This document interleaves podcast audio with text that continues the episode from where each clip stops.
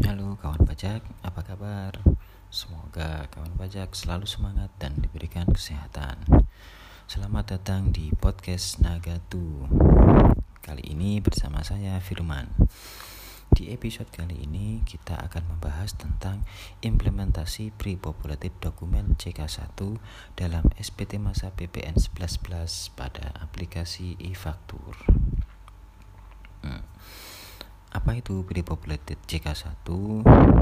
Yaitu data dalam dokumen CK1 yang harus diisikan dalam SPT masa PPN 1111 formulir A2 yang disediakan secara pre-populated oleh Direktorat Jenderal Pajak berdasarkan data yang telah dipertukarkan antara Direktorat Jenderal Pajak dengan Direktorat Jenderal Bea dan Cukai.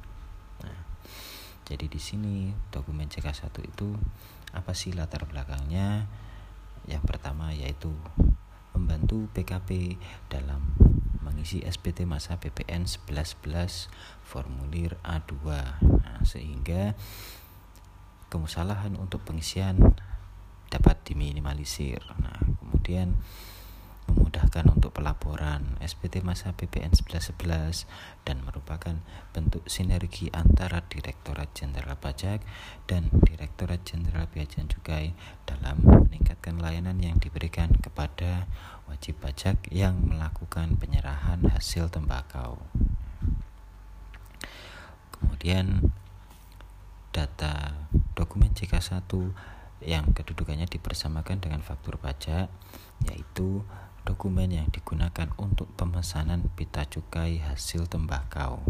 Nah, dokumen tertentu ini yaitu harus memenuhi persyaratan formal dan persyaratan material sesuai peraturan Dirjen Pajak nomor 16 garing PJ garing 2021 yaitu yang paling sedikit memuat nama, alamat, NPWP yang melakukan penyerahan, kemudian jenis PKP, dasar pengenaan pajak, dan jumlah PPN yang dipungut.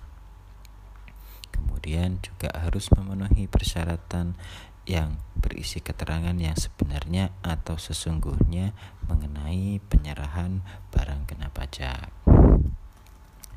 Nah, data dokumen CK1 apa yang diprobabilited yaitu ada enam. Yang pertama nama pembeli BKP atau penerima manfaat BKTB, KPTB atau penerima jasa dokumen CK1. Kemudian NPWP, kemudian kode dan nomor seri dokumen CK1, tanggal dokumen CK1, total harga jual eceran yaitu dasar pengenaan pajak dan PPN. Data CK1 yang dipilih populated ini tercantum dalam peraturan nomor 49 peraturan Dirjen Pajak nomor 49 garing PJ garing 2015. Data CK1 ini hanya merupakan tambahan fitur sebagai alat bantu dan tidak menutup kemungkinan bagi kawan pajak untuk menginput secara manual atau key in pada aplikasi e-faktur.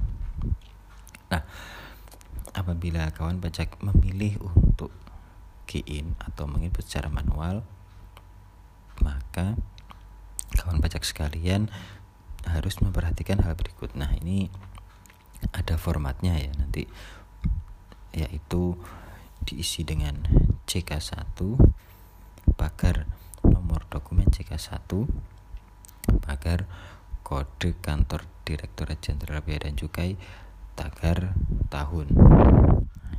Ini jadi ada empat nomor yang harus diisi sebagai pengganti data pre-populated. Uh, bagaimana skema pre-populated CK1 ini?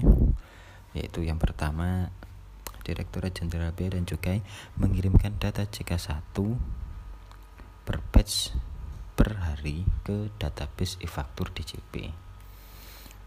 Kalau Direktorat Jenderal Bea Cukai sudah mengirimkan data CK1, maka PKP bisa mendownload data CK1 dari e-faktur web. Kemudian upload data CK1 ke e-faktur desktop atau PKP dapat melakukan key in atau input secara manual. Kalau input secara manual nanti sistem akan melakukan validasi dokumen CK1 dengan yang ada dengan data yang ada di database Direktorat Jenderal Pajak. Uh, kemudian data CK1 yang telah tervalidasi baik yang key in atau pre-populated akan langsung masuk ke dalam akun PKP pada e-faktur web untuk kemudian dapat diposting ke SPT masa PPN. Nah, ini. Jadi data CK1 tersebut awalnya untuk pre-populated disediakan oleh Direktorat Jenderal Bea dan Cukai. Nah, jadi nanti yang sudah dipertukarkan bisa digunakan oleh kawan pajak sekalian. Kemudian untuk pre-populated CK1 ini sebenarnya sudah melalui tahap piloting. Jadi yang pertama yaitu dari masa pajak November 2020, kemudian April 2021 sampai dengan Agustus 2021. Nah, ini total ada 143 PKP di 9 KPP di seluruh Indonesia.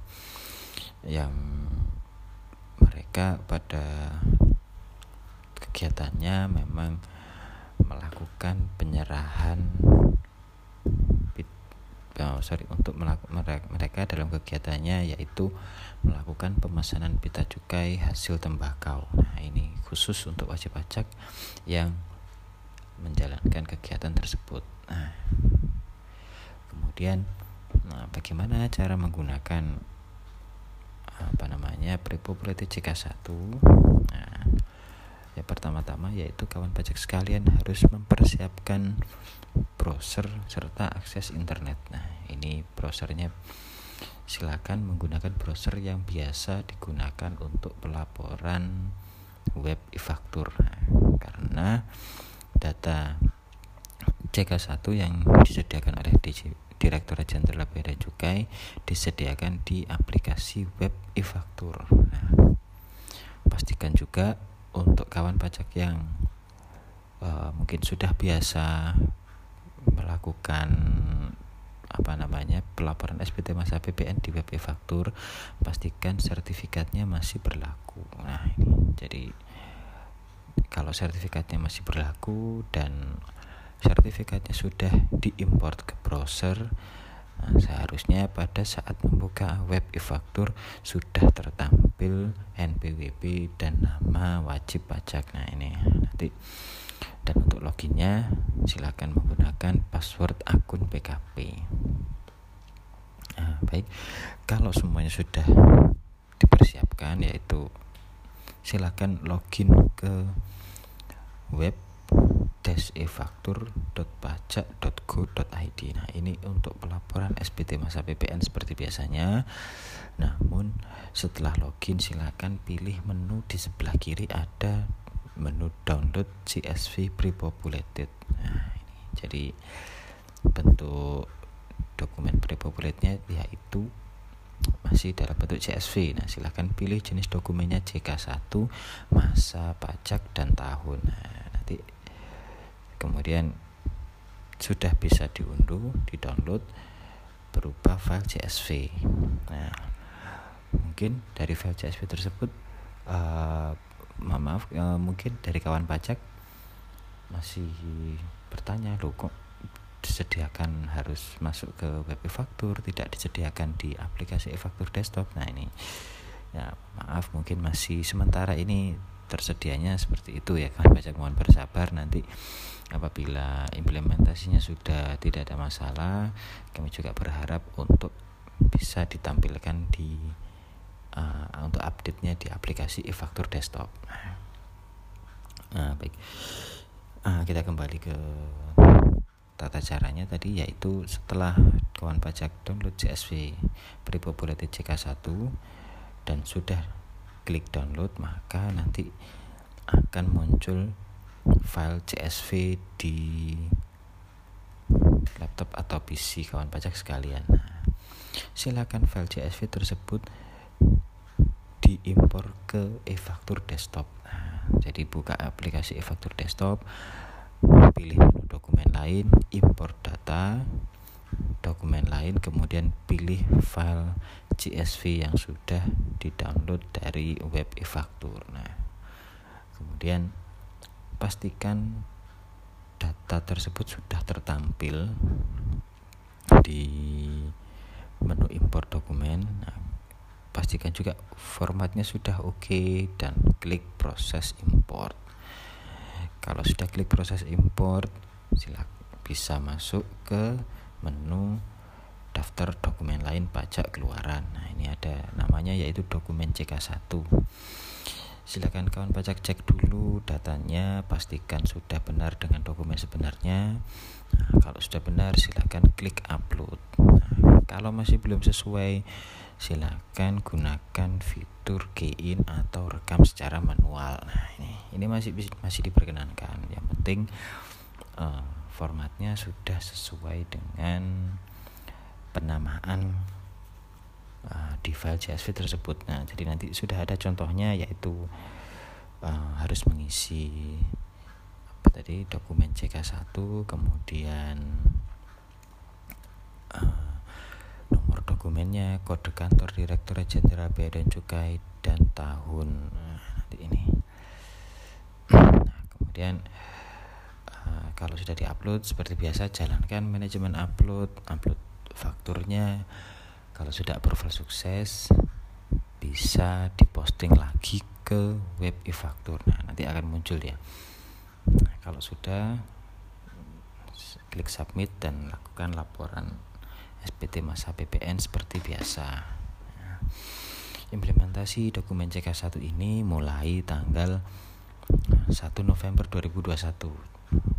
Kemudian untuk masa pajak November 2021. Jadi sudah bisa digunakan di luar kawan pajak yang sudah sebelumnya menjadi peserta piloting.